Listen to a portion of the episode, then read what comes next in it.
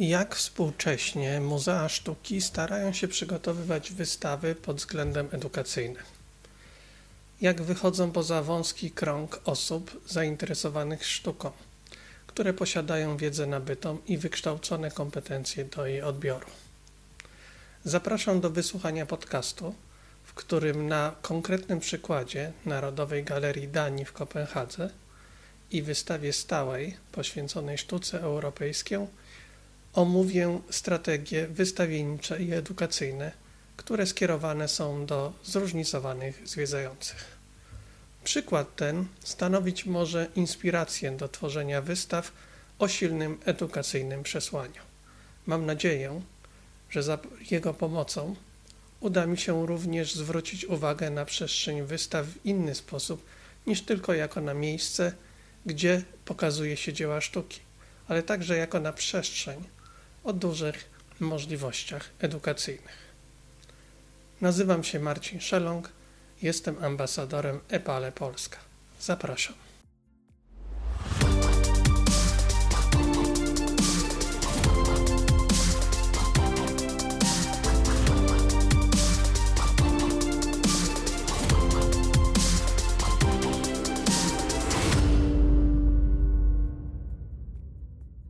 Zwiedzając muzea, najwięcej o sztuce dowiadujemy się, oprócz oglądania eksponatów, czytając podpisy przy eksponowanych dziełach.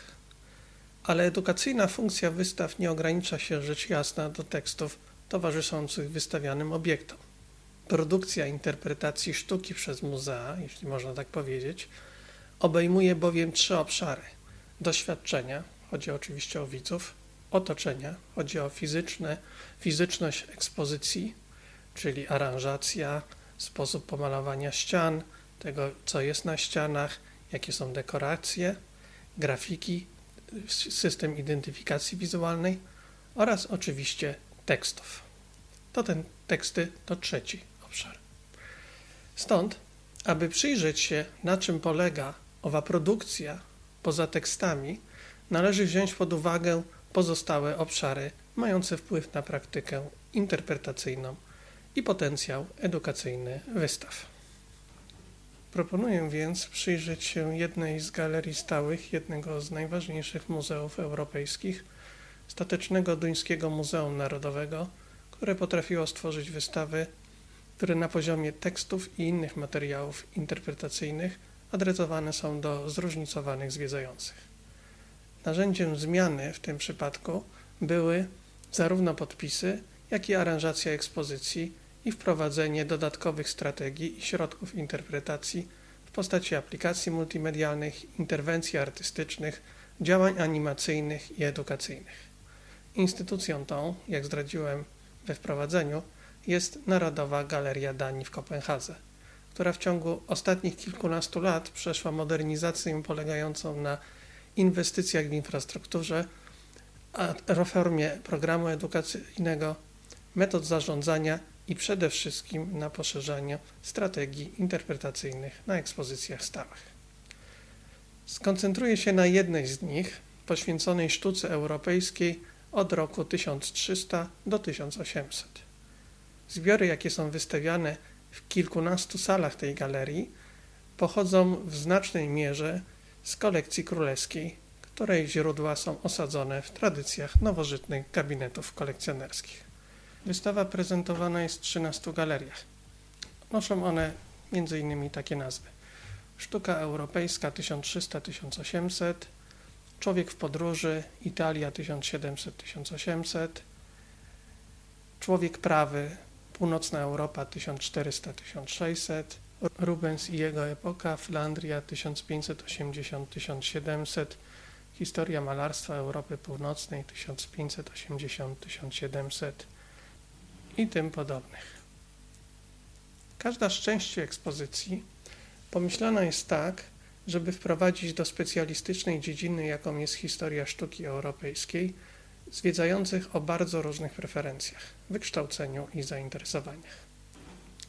Na poziomie ekspozycyjnym i powiązaną z nim warstwą tekstów stosowane są strategie pozwalające zwłaszcza osobom, które nie poruszają się biegle po dziejach sztuki europejskiej, w miarę sprawnie się odnaleźć.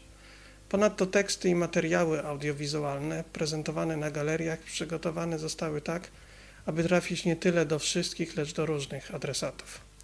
Wśród nich najbardziej charakterystyczni to, przywołując stosowane często w literaturze muzealnej nazewnictwo nawołujące do typologii zwiedzających Johna Folka i Lynn Dirkin, tak zwani profesjonaliści czy hobbyści, organizatorzy, odpoczywający i odkrywcy. Pokrótce przedstawię, co to za goście muzealni, zgodnie z tą typologią. A więc profesjonaliści i hobbyści to tacy goście, którzy czują bliski związek pomiędzy treściami, które prezentowane są w muzeach, a ich własnymi pasjami zawodowymi lub zainteresowaniami hobbystycznymi. E, ich wizyty w muzeum zazwyczaj są motywowane chęcią zaspokojenia określonego celu związanego z tym, co jest prezentowane na wystawach muzealnych. Z kolei organizatorzy to tacy goście zwiedzający muzeum, którzy są motywowani społecznie. społecznie. Ich wizyta koncentruje się przede wszystkim na umożliwianiu doświadczenia i uczenia się osoby, osobom, które z nimi przychodzą do muzeum. Czyli to są osoby, które większą uwagę przywiązują do tego, co uczą się inni, ci, którzy z nimi przy, przychodzą, niż sami. Z reguły rodzice są organizatorami, czy też motywowani są e, jako organizatorzy do zwiedzania e, muzeum. Osoby odpoczywające, czy też ładujące baterie, to takie, które odwiedzają e, muzeum, przede wszystkim dlatego, że oczekują pewnego doświadczenia kontemplacyjnego, duchowego, które ich w jakiś sposób regeneruje. I uważają, czy traktują instytucję muzeum jako instytucję, w, którym, w której można się schować przed codzienną, czy przed codziennością, przed e, swoimi problemami w pracy e, i które też często w tych miejscach e, znajdują nową motywację do funkcjonowania. I wreszcie odkrywcy to zwiedzający, których motywacja czy ciekawość e, związana z, z przyjściem do muzeum wynika z ogólnego zainteresowania tym, co jest pokazywane w muzeum. Oni z kolei oczekują, że zwiedzając muzeum, znajdą coś, co przyciągnie ich uwagę i zwiększy ich wiedzę o świecie. Na czym więc polega zmiana podejścia? Zaraz po wejściu na ekspozycję zauważyć można różnicę. Pierwsza galeria zatytułowana jest jak cała wystawa, czyli Sztuka Europejska 1300-1800. Jest przestrzennym wprowadzeniem do całości ekspozycji, pewnym topograficznym punktem odniesienia, pozwalającym zorientować się na wstępie, czego zwiedzający może się spodziewać dalej. Galeria w formie skondensowanej prezentuje i zapowiada przykłady prac, które widz zobaczy, gdy zdecyduje się ją zwiedzić. Chociaż całość ekspozycji została pomyślana w układzie chronologicznym, tutaj narracja jakby przyspiesza. Polega to na tym, że poszczególne ściany prezentują tematy, z jakimi widz się spotka wchodząc głębiej. Zazwyczaj jest to przykład obrazu, które będzie pokazywany w dalszych galeriach. W centrum sali znajduje się też wielkoformatowe stanowisko z aplikacją multimedialną.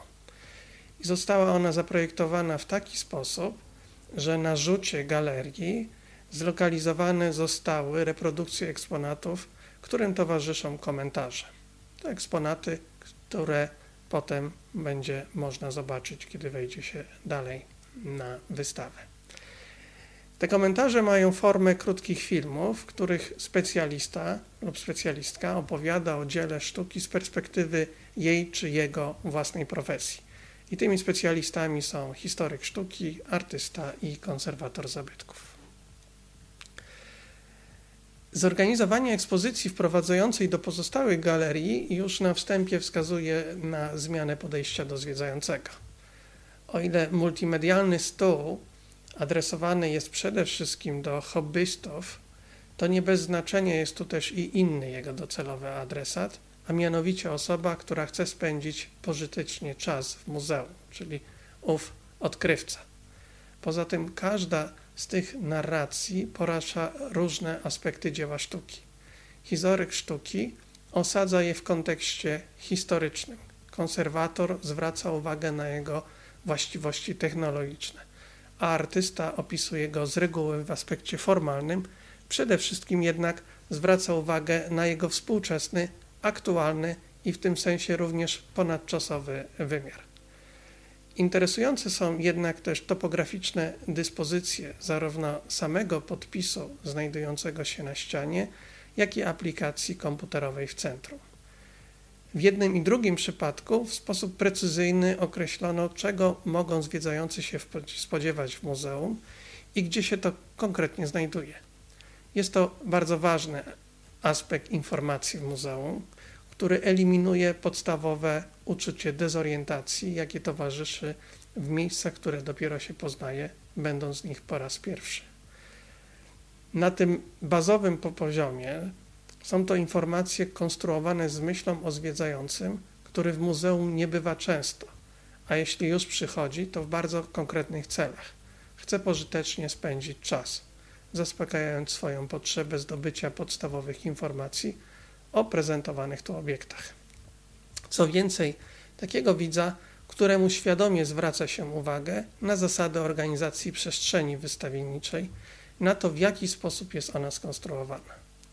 Ten aspekt warstwy tekstowej, czy w tym przypadku ze względu na użyte multimedia raczej warstwy dyskursywnej wystawy, powoduje, że widzowi podpowiadane są aktywne sposoby oglądania przestrzeni wystawienniczej.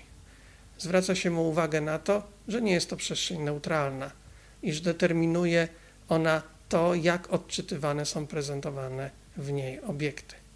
Wskazanie na chronologię, geografię artystyczną i zapowiedź różnych perspektyw problemowych związanych z różnymi profesjami, które opowiadają o tych dziełach sztuki, są tego wymownym e, przykładem.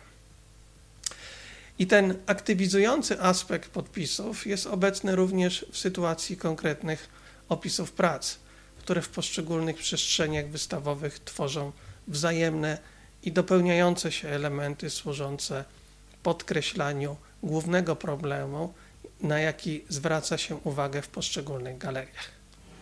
Przykładem jest tu część ekspozycji poświęcona barokowej sztuce włoskiej. W galerii zatytułowanej Człowiek poruszony Italia 1600-1700 znajduje się na jednej ze ścian etykieta wprowadzająca do tematu. Wskazuje na aspekty XVII-wiecznej sztuki włoskiej związanej z jej oddziaływaniem na widza, zgodnie z klasycznymi funkcjami retoryki Cycerona, według której, tu przypominam, dobra mowa uczy, sprawia przyjemność i wzrusza.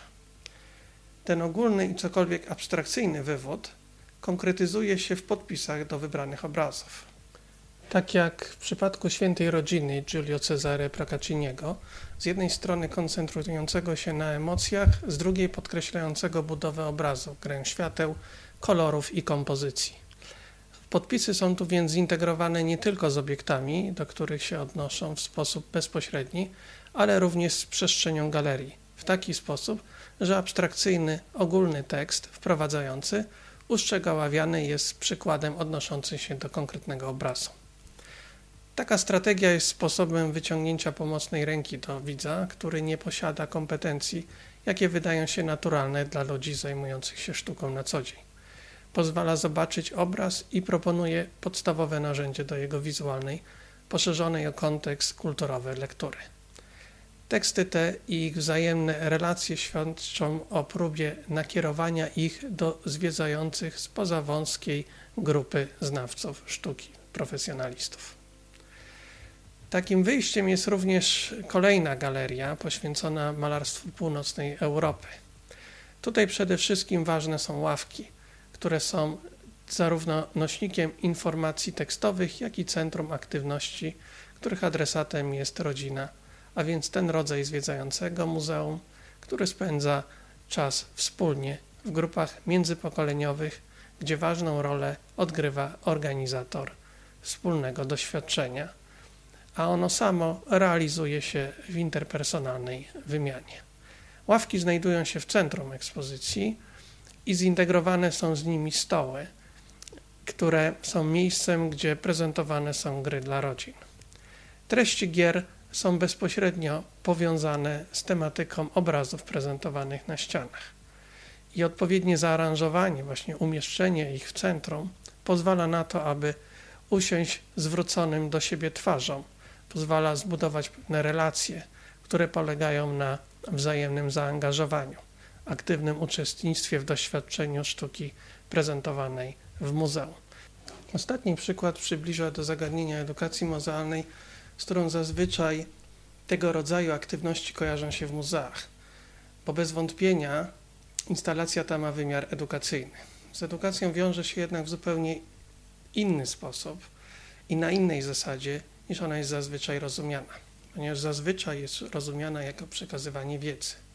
Przykład ten jest natomiast egzemplifikacją alternatywy, w której edukacja w muzeum nie polega na uczeniu zwiedzających, lecz na tym, aby zwiedzający wykorzystywali rozwiązania muzealne w sposób, który jest dla nich ważny osobiście i żeby dzięki temu mogli również uczyć się sami od siebie co jest oczywiście szczególnie istotne w kontekście edukacji dla rodzin, w kontekście sytuacji, w których rodzice i dzieci wzajemnie się inspirują i wymieniają doświadczeniami. Zaprezentowany wąski wycinek strategii interpretacyjnych Narodowej Galerii Danii w Kopenhadze, w której ważnym aspektem jest wykorzystywanie tekstów i innych dyskursywnych i niedyskursywnych środków interpretacji. Wskazuje natomiast na to, że są one niezbędne do poszerzania spektrum możliwości, za pomocą których muzea trafiają do różnych zwiedzających ze względu na ich preferencje poznawcze wynikające z wykształcenia, pochodzenia społecznego i kulturowego. Proponują też różne punkty odniesienia gdzie perspektywy historyczne krzyżują się ze współczesnymi, zagadnienia technologiczne ze społecznymi, narracja w trzeciej osobie z opowieścią w osobie pierwszej. Różnorodność tych metod w jakiś sposób odpowiada złożoności i różnorodności zwiedzających. Podsumowując, na samym wstępie pytałem o to, jak współcześnie muzea sztuki starają się przygotowywać wystawy pod względem edukacyjnym i jak wychodzą poza wąski krąg osób zainteresowanych sztuką. Przykład galerii w Narodowej Galerii Sztuki Danii w Kopenhadze pokazuje, że przede wszystkim poszerzając spektrum środków interpretacyjnych. Nie tylko chodzi o podpisy i inne teksty, towarzyszące dziełom sztuki, ale również o to, w jaki sposób muzea aranżują przestrzeń, która odzwierciedla różne motywacje i oczekiwania zwiedzających związane z wizytą w muzeum. Znajomość zwiedzających umożliwia tworzenie wystaw, które uczą, zarówno poprzez przekazywanie konkretnych informacji i faktów, ale także przez rozwiązywania, rozwiązania ekspozycyjne, które pozwalają na zaangażowanie się nawzajem widzów oraz wymianę wiedzy i doświadczeń. Zwiedzający angażują się też przez rozwiązania ekspozycyjne, które odwołują się do ich sposobów spędzania czasu w muzeum i potrzeb, które stoją za decyzją o odwiedzaniu placówki. Nie zawsze są to motywacje o charakterze edukacyjnym. Mogą one mieć również podłoże społeczne czy towarzyskie. Ważne jest jednak, aby muzeum było ich świadome, a twórcy wystaw potrafili przekuć tę świadomość na odpowiednie rozwiązania interpretacyjne. To wszystko.